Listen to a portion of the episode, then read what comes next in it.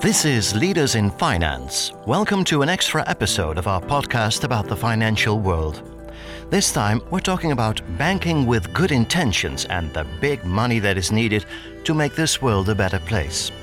But first, a warm thank you to our sponsors for their ongoing support. They are Interim Valley, Odgers Berndtson Executive Search, and Roland Berger. Our guest wrote a book on how the banking business commits to green and social values. She says money as a social construct allows us to completely disconnect from our reality, and therefore it takes a little more of an effort in the financial world to stay connected to reality. So, in order to stay grounded, let's listen to our guest in this episode, Kathryn Kaufer. Your host is Jeroen Broekema. Welcome to a new episode of Leaders in Finance. This is an extra episode in which we explore a particular topic or we discuss a book. This time we do the latter. We talk to an author of a book. And that is Catherine Kaufer this week. She's the author of the book titled Just Money, with the subtitle Mission Driven Banks and the Future of Finance. Welcome, Catherine, to the show. Thanks so much. I'm wonderful to be here. That's great. It's great. We're here uh, in person um, on a on a two meter distance in uh, Driebergen in, Yes. in the Netherlands. Yeah. Uh, before we dive into the book, first I would love to introduce you. Uh, Dr. Catherine Kaufer is director of the Just Money program at the Community Innovators Lab within the Massachusetts Institute of Technology, MIT, and co founder and executive director of the Presencing Institute. Catherine teaches on leadership and transformational change.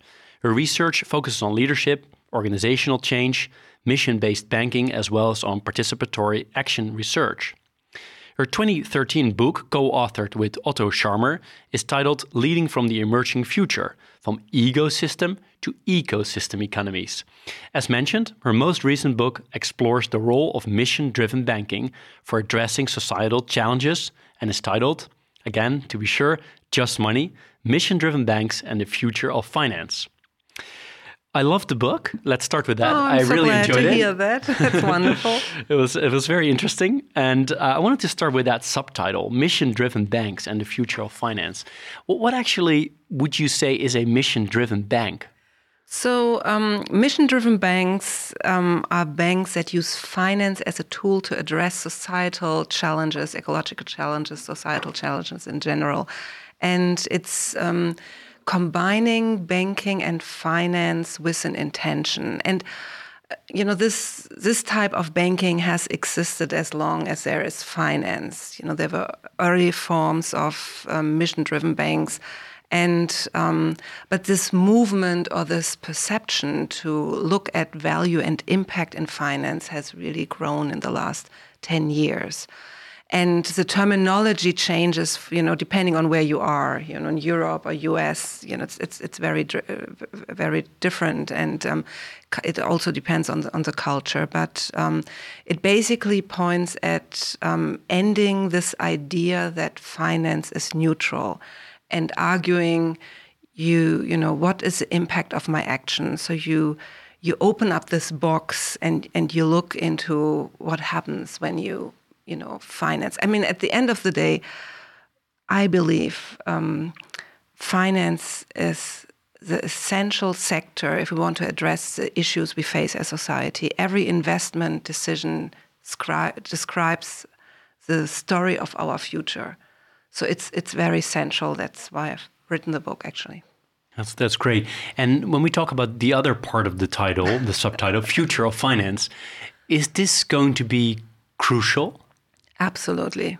I believe um, finance has changed. I think we all saw the first shift happening in 2007, 2008, where the public opinion about finance completely shifted. And now we see that the financial sector is also recognizing the opportunity they have to contribute to what's possible. Um, and um, I, I know there's you know a lot of discussion about greenwashing and when is this real values focused finance, but I think um, that we, we are what we are observing here is a paradigm shift that's happening, and you know not just in finance. I think in business in general. That makes sense. And um, to you personally, w- why is this uh, an important topic for you, and how did you get to you know to do so much research on this topic? It came to a, came you know as a surprise to me as well.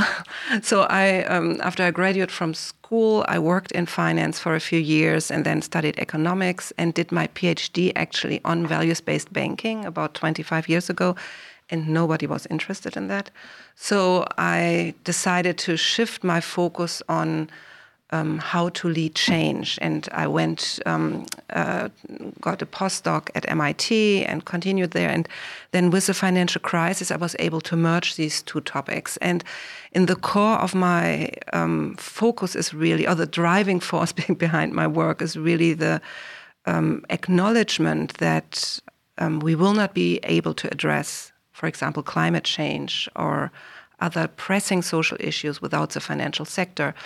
And instead of you know just criticizing everything and saying you know this is it's wrong what's happening, I decided to focus on the innovators, on the examples that use finance in new ways. So 25 years ago, you already wrote a PhD on value-based banking. Yes, How did you get to that topic? Was there a professor? Or was it purely your own um, idea? I, I, think it was this combination between you know having worked in in a bank um, in Germany. You know this apprenticeship um, um, process. So I, I, worked for three years in a bank, and then my deep interest in societal change. I felt there are pressing issues, and that's how this merged actually I, I really had to push my professor hard to, to to let me move into this topic you know. So you were way ahead of your time. Yeah yeah. A little lonely a little lonely though. I mean did you go go back to your phd uh, once in a while actually, to see I if it's do. still correct or? Uh, it's still correct. I think the whole sector has shifted so much you know nobody could have anticipated that. But i focused my phd on i called that um, rentability of the context which you know is a complex you know set up to to look at these things. But i i still believe a core challenge in finance is that money is too efficient for us humans.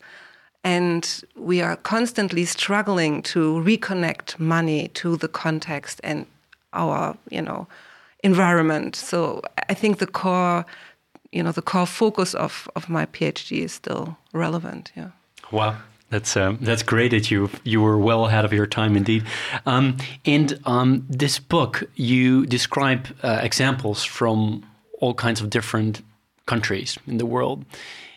But let's take the U.S. and Europe because these are the two areas you know very well. Is there a big difference in how we look at things from this perspective? In terms of values-based banking, yeah, definitely. So the European perspective is definitely more focused on environmental issues, whereas the US perspective much more on um, social exclusion, um, marginalization, um, community development. But both sides, I think, recognize today you can't do one without the other. Um, to, to separate environmental and social topics is, is re really doesn't work well. So, in that regard, I think they're moving closer to each other. Okay. All right. And um, what I find one of the most interesting things in your book is this um, this idea about whether you could be you could be a mission driven bank being small or being big, big versus small. Like what what what what, what is is it much harder for a larger bank to do this, or can they actually adopt certain smaller things from this this whole thinking around uh, value-based banking. Can, can, we explore that a little, little uh, into a little bit more detail? Um, whether large banks can also do this or not? Oh, large banks definitely can do this. I mean, in the book, I talk about three anchors of values or mission. One is the ownership structure. And, and what we see here is that by this changing in public opinion about the role of bank and finance, you know, this is reflected also in, in the ownership structure. And then it's about leadership and culture in the organization. Um, there is an inherent um, dynamic in finance to disconnect from the context banks operate in, which has to do with the character of what money is. I mean, I talked about the efficiency of money. So to connect finance to impact takes much more intentionality than doing this in any other sector of society. At the same time, the leverage point is so much bigger. So, you know, I think that the, these two sides describe this a little bit.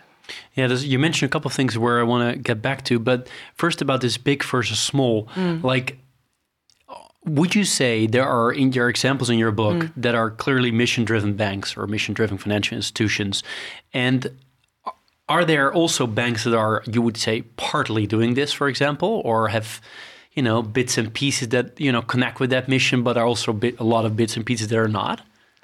Yeah, in, in, in the US, there's a nice saying the perfect kills the good. And the question is, you know, how much is possible in what organization? I believe any step into this direction is a good step, and it's not about judging, but it's um, about transforming our economy and how we run businesses. And what what we see is really this paradigm shift in our economic system that this awareness about impact in society is now everywhere and now we need to learn what does that mean in day-to-day um, action. And and that was really the purpose of writing the book. So now let's look into lead innovators that operate actually at the margin of the system. And let's you know take a close look how do they operate? What works for them? What doesn't work? And then each organization can pick this up and translate that into the specific markets they're in. Yeah. So, so, is it fair to say that the examples in your book are really also illustrations for bigger players to do to do to change things? I hope so. I hope they recognize that these innovators um, develop new ideas and, and that, that are really hard to develop when you're in the center of a system. I mean, we know about from from innovation processes, it's really difficult to innovate in the center of something. So the more you move to the margin of a system, the easier it is to challenge the overall system and to come up with new ideas. That's why I felt, you know, looking into this area is really exciting. And it's amazing what these banks are doing. I mean, yeah, tell me, give me a couple of examples. That'd be great. Yeah, I mean to um, uh, to innovate a financial product from the perspective of society. For example, GLS Bank in Germany currently is moving away from an impact measurement that just looks at, for example, CO2 reduction, but asks, you know, what kind of um, vision do we have for Germany? and what's our contribution within the next 15 years to come to this point. So they measure themselves against a vision of, for example, a re renewable energy sector in Germany. So instead of saying, you know, we reduced our carbon emission by X, you know, percent this year, they measure themselves against a vision of a future, which I find really interesting. And then you see um, a lot of um, small examples, um, alternative to payday lending, um, building, um, creating communities, creating banking products that are specifically designed for communities. Um, also, Triodos Bank is doing really interesting work now in the UK, where they um, develop financial products that allow different stakeholders to collectively create a solution. So let's say flooding, huge issue. But if you only have one player, you can never finance preventive measures for flooding. But if you put municipalities, insurance companies, and maybe house owners um, together at the table, you can co create a solution and a financial solution so I, I feel you know there are very interesting new ways of look at the role of banks in society as well. But in the book, you you give a lot of examples, mm. which which I love to read. Um, but I don't see examples from the large players. Is that for yeah. for for a reason that you have done that? You have not done it actually. Um, yeah, I've I really focused on um, organizations that um, have values based business as core of their business proposition. So they um, they basically make money by being a values-based bank, and that's really difficult for for a larger bank. But I thought this perspective is much more focused and interesting than looking at a bigger organization that has like a 10% or 20% values impact. So um, I purposefully, intentionally focused on um, organizations that where the value focus is part of their business proposition. Right. Okay. Maybe part two we get some examples of large banks where they I do would value love based. to see that, and I think this is, you know, I think the world is moving in this direction. Yeah, because I think uh, well, one of the things I, I love to uh, a quote I wrote down is is, is this: uh, a loan officer in one bank uh, we work with asked the following question about the bank's position as a niche player in the just banking industry. Quote. If Bank of America decides to switch to 100% recycled paper, would they save more CO2 than our entire renew- renewable energy program? And that's exactly my point, right? Uh, it's a, it's a great as an illustration. This small what small banks do, but obviously, if big banks move, you know, into this direction, we there's really a, a large impact. And we see this happening. We see this happening everywhere, and I think this is amazing. And the purpose of the book is to inspire, you know, to to look at what these innovators are doing and then translate this into, you know, your own way of operating. Yeah. An important part of your book is where you lay out the principles of just banking. And uh, you know, maybe without going into every one of them, because you know people should read the book. Uh, but could you just elaborate a little bit about what these principles in essence are? Um, so, with the principles of um, just banking, I try to, you know, offer a language that um, allows to be more clear about, um, you know, how just banking distinguishes itself, you know, in the sector. And um, I think one huge distinction that I like to focus on is this difference between um, are you reactive or proactive? So, are you um, excluding certain investments, or are you proactively looking into opportunities where you see um, this needs finance? And this already um, is, you know, can what I've seen, you know, in many organizations that just this small distinction can create um, a really interesting conversation in. Um, uh, yeah, in organizations that like to move into this direction. Right. And um, the, one of the things you mentioned is um, the anchoring of the mission. Mm. And uh, you talk about governance, organizational structure, and uh, leadership. I think you mentioned something like that before in this conversation. Um, but if we, we unwrap that a little bit, like governance, where, where, where do you think about? Um, the, so I um, described these three anchors before because um, there is an, an inherent um, pull away from for banks to stay connected to the context. So if a bank wants to move into this field of mission-driven banking or values-based banking, they need to consciously make sure that these ideas are anchored in the organization. And I describe this also as a minimum condition. So we see banks that have an ownership structure like credit unions, cooperative banks, that I might not describe as values based because they they moved away from that.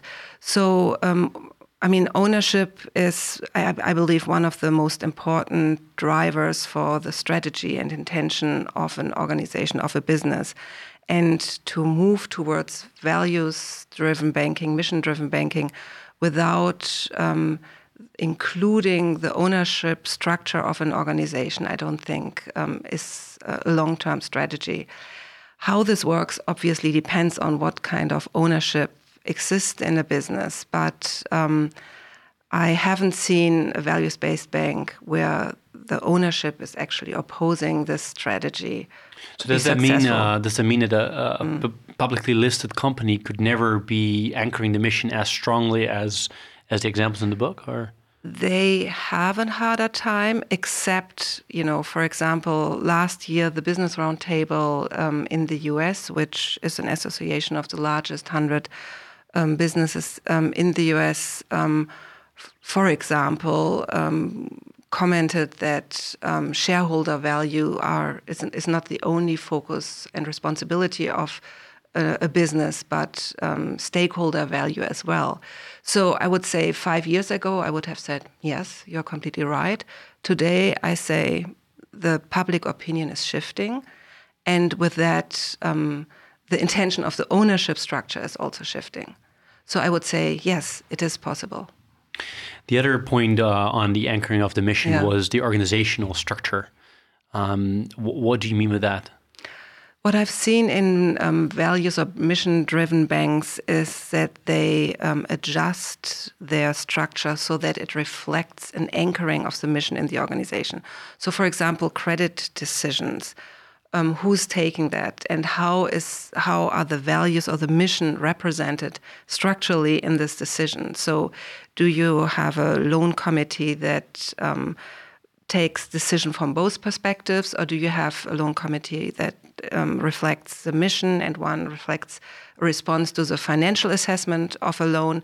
So I've I've seen how these banks, and I describe that in the book, innovate new structures that allow this mission to be anchored throughout the organizational structure and not just in a mission statement. Right. And the third one on the uh, anchoring mm. of the mission, my favorite one is leadership. Yeah. Because you're quite elaborate on that. You have very, you know, very clear ideas about uh, the, especially the hiring of leadership. And I'd love to to delve into this because uh, I, I, think there's, you know, we can have a, good discussion on that. Uh, so, so first of all, it is crucial, right? Who you hire, absolutely, or, or absolutely. everywhere, always. Yeah. But to anchor the mission, how do you how do you anchor the mission if you hire someone? Yeah, I mean that's I, I mean every hiring process is is complex. But um, so what what I've seen in in mission driven bank is that sometimes there's a polarity between the mission and the operation, and sometimes uh, banks for a while focus very much on hiring for professional skills, and then they realize um, they are missing out on some connection to the mission. Then they start hiring more folks that are more mission aligned or and, and, so often it's a little bit of a struggle an organization has to learn to balance these two but at the end of the day how do you conduct an interview where you actually want to understand the um, values of an individual that applies. And in um, one of my conversation actually with the head of HR from from Triodos Bank, she she made a really good point. She said when in my interviews, I um,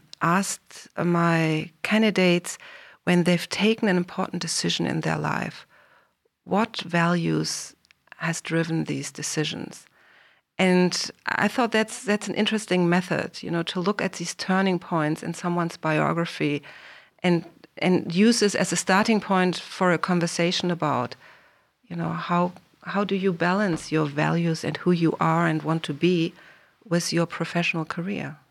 Yeah, I think it makes total sense that you you in whatever organization you hire the kind of you know cultural fit, if you if you if I may call it that, or you know m- you know mission oriented uh, or at least there is a, a clear uh, match with the mission.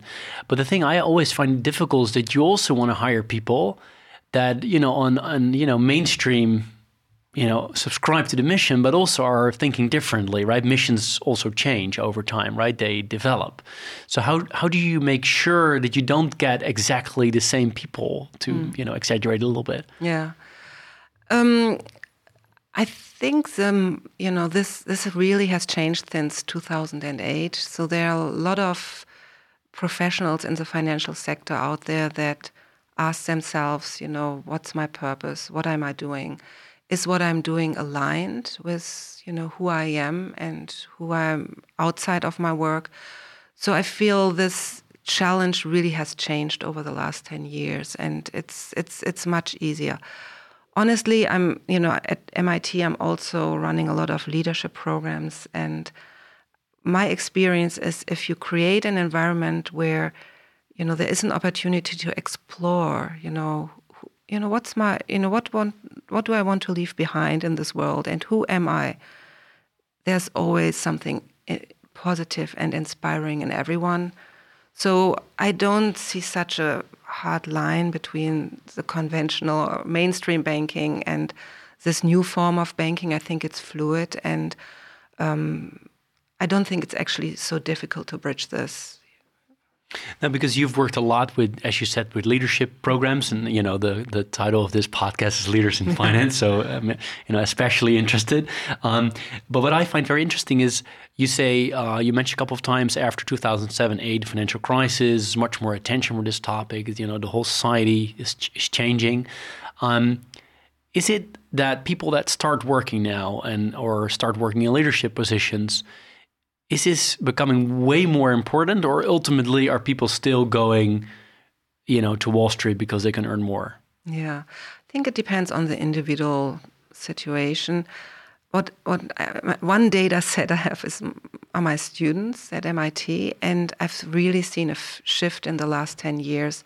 That um, when they graduate, they really ask themselves, "What do I want? You know, what what is my work? What do I want to bring into this world?" But uh, financial restrictions are a challenge. You know, if you leave school or university with a loan of, you know, hundred thousand dollars, you have some restrictions. And um, but as I said, I think these two worlds move towards each other more and more. Um, if you know, if I take a hard look back, like 15, 20 years ago, I would say these two worlds were completely separated. And right now, I'm very optimistic love to talk about uh, the word intention because you've mentioned a couple of times. You mentioned it a lot in the book. Intention must be, you know, must be a good intention. Um, but I wonder, is that always that important? Because in a perfect world, yes. But ultimately, someone that does something purely because he or she can earn a lot, but is still having great outcomes, is that problematic or is that okay? Um, I don't see an issue in earning a lot at all. Uh, for example, yeah. or purely yeah. the intention is not to you know mm. do value based banking. The, in, the, the intention is just to make a lot of money. For as an example. Mm. Does that matter, or is it is it okay if that still has a great outcome? For example, for the environment, or for biodiversity, or for you know other ESGs. Um, then it's fine. But my experience is there is a conflict at one point. How does that work? That's where the intention comes in you know? So there is there is at one point there is a conflict between profitability and um, impact. And sometimes there is not you know? There are new markets. We saw that in renewable energy where you can you know have high profitability and at the same time create a you know amazing positive impact in the world. But at one point there is a trade-off and you have to decide you know what do you do at this point and I focus a lot of intention on this for, on this topic of intention because it has a huge leverage point. I mean, we focus a lot on, you know, what's the outcome of what leaders do or how do leaders do something. But this moment, I sometimes describe this as a moment in front of the empty canvas. So, you know, where the painting isn't done or you're not in this process of painting, this moment where you take the first step, that's the moment of your intention. And when you decide you you want to move towards mission-driven banking or values-based banking, you will quickly realize, you know, whatever you do, it's never perfect. So you will always have these decision-making points or these, you know, you have to come to a decision or a judgment about a situation. And in this process of, you know, taking a decision, being clear about my own intention makes a huge difference. Um, somewhere in the book, you talk about uh, a, term which I uh, I find very interesting, which is delayed feedback loop. Mm. Can you explain what it is, but also can you give an example of where that, um, you know, a great example of that?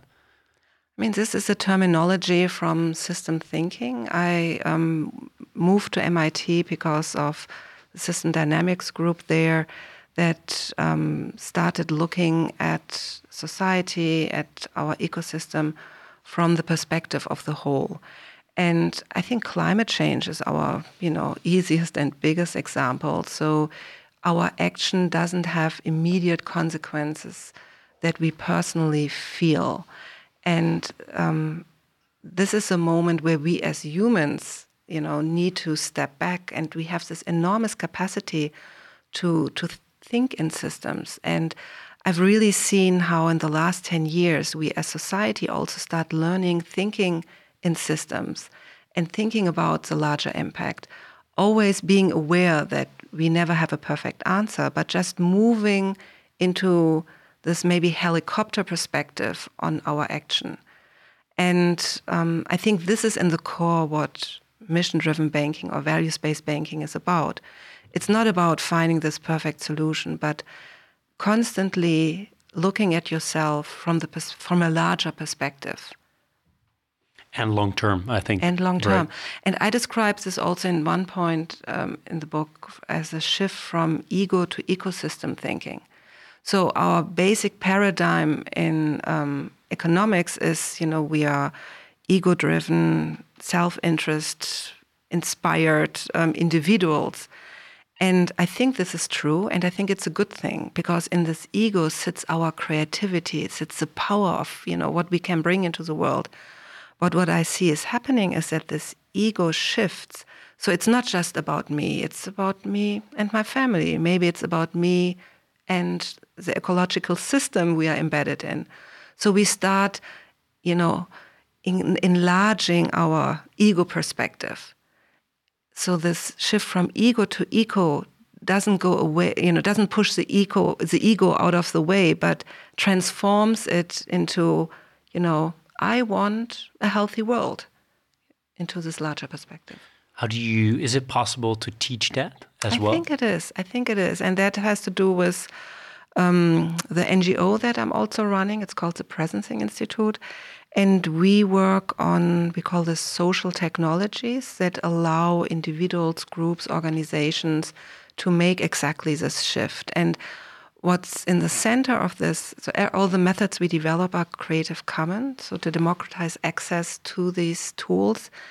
And uh, in the center of this is to develop tools that allow us in freedom, so not being pushed or manipulated, in freedom to create these environments that allow us to connect to these deeper questions. And you've seen a, a lot of organizations over time, mm, yeah. uh, both in the financial service industry and outside the financial financial in industry. Do you see a big difference in culture and how people think in the financial services and outside?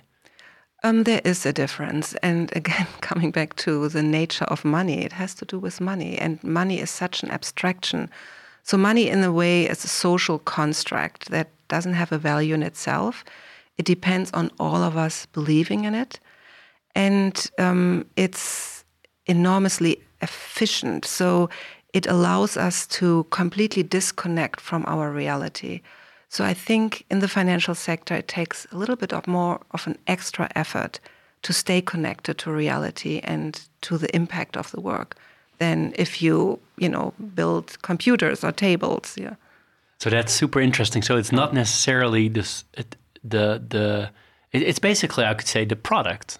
It is the product, the product. is too abstract and too efficient as you as you too mentioned efficient. it's very interesting because it becomes very philosophical but that attracts a certain type of person as well you think i mean i don't have data on that but i think if you know if you're more mathematically aligned you're probably drawn to the sector but i think it also does something to us and there's also a beauty in it you know there is this perfection you know we can we can create this product that works so well and and it takes sometimes real effort to let go of this and um, open up, you know, the black box and say, what's the reality underlying this? And I mean, I think we are all aware of the dysfunctionalities. I mean, we all see, you know, what I mean, we all have these numbers. You know, the eight riches have as much money as 50% of the rest of the world. You know, there are all these numbers that we all know well. So I think we are aware that the system that we've created has a dysfunctionality. So we, we, are, we have a system challenge here. So we, we can say, you know, yeah, there are values-based banks, and but there is a, there is a systemic issue here, and this will hit us at one point. Yeah, and I'm just very curious about the fact um, about the question whether, as long as people make a lot of money, if they're really willing you have to give something up for this, right? To go mm. into mission or value based banking. Will people really do that in maybe in small numbers, but will they really do that in big numbers? I mean, you're very optimistic, so I'm trying to challenge that a little bit. But are you also optimistic that you know when there is this this big salary in front of you or this big sale you can do, that people will still go back to that mission and again give something up for it? Are people willing to do that as well in large numbers? I mean, I, I don't know. I can't predict these things. But what's very clear is that we live in times of disruption and we live in times of huge disruption. And um, the COVID situation is, is, from my perspective, just a starting point. We will see enormous climate disruption. And um, so I think a lot of these decisions will be taken away from us by a collapse of, of you know, the system we live in right now. And at that point, we need to collectively come to answers. So, um, working towards the end of the interview, um, uh, one thing I was so interested in is uh, regulation and regulators. Mm. And somewhere in the book, uh, you write, uh, "quote The concept of just banking often is unfamiliar to regulators." Um, what does that mean, and what are the consequences of that? Maybe at this point, I come a little bit to the defense of these small and medium sized banks. So, what I've noticed that after the financial crisis, regulation really, I mean, realized also mistakes they made and became um, much more strict. And for small and medium sized banks, it's so much harder to respond to that. You know, if you're a large bank and you have a whole department, able to respond to regulatory um, changes. Um, this really differs from the situation of small and medium sized banks. So, although they weren't involved in many of the challenges that created the financial crisis, these type of banks um, had to respond to this. I think that's you know what I wanted to point at. But I think this concept of using finance as a tool to address challenges is actually not very well known in this, these fields. So it's two things. On the one end is the, the burden, the actual burden of regulation. Also changed in regulations after the financial crisis, exactly. Okay, right. Yeah. Um, and um, are there particular countries that do really well from a just banking perspective in the world? So, in general, um, countries that have a decentralized financial system. For example, if we look at Germany with the Sparkassen and Raiffeisen system, that's um, owned by municipalities. You have already a financial structure that aligns a lot with small and medium-sized um, businesses and are more anchored in communities. So structurally, these countries have an easier time. Um, in other than that, um, obviously, you know, yeah, I, I would say this is this is a factor that that makes a difference. And you saw that also coming back to the financial crisis by Germany's ability to respond to the crisis. Because it was de- more decentralized it was more decentralized, yeah. and they were able to to work with um, small and medium-sized bank um, organizations and businesses. Yeah. If you're a leader of a or a CEO of a uh, a large bank, let's say here in the Netherlands or in Germany or anywhere else, and you want to become more value based, you want to move your organization more into a you know general purpose mode, if to use that phrase, what would you what would you do first? I think the interesting question is not consider this type of activities as uh, you know, somewhere at the side of your business, but asking yourself, in the core of my business, what opportunities do I see when I look through this lens? I think that would be the first question I would ask. And then the second um, step I would suggest go to the um, to the margins or the edge of the system, you know, either your own organization or the financial system, and look at the overall system from that perspective. That's where the new ideas emerge. Great. Last question um, is um, uh, the following: Is there something you really would like to share about the book? Obviously, I've covered only a couple of things, hopefully some important things. But are there particular things you say, like, well, that's something we should you should have asked, or I, I would love to mention? I think I would like to come back to the start of our conversation. Um, I think if we become aware as individuals who work in the financial sector how important our work is for society overall. That's that's it's a really important step. Every investment decision is relevant and matters. And just taking this perspective and um, acknowledging the importance of this work for society overall. So, the role of finance is to facilitate transaction in our economy it's in a way a serving role, and our financial system has become so dominant that this aspect is, I think, lost. Well, that's a great, um, great end, and uh, I would love to thank you a lot for your, the time you took It's to talk to to, leaders in finance and to talk about your book. I uh, listeners don't see it, but it's in front of me here, and uh, I will put the um, the link on the um, uh, about the book in the show notes. And for now, um, in your book, you write about B Corp certified organizations. Well, I have a small presence here on my right, which is from a Baka Coffee, a, uh Corp certified organization. And uh, again, thank you so much, Catherine, for your time. Thank you for having me. A joy.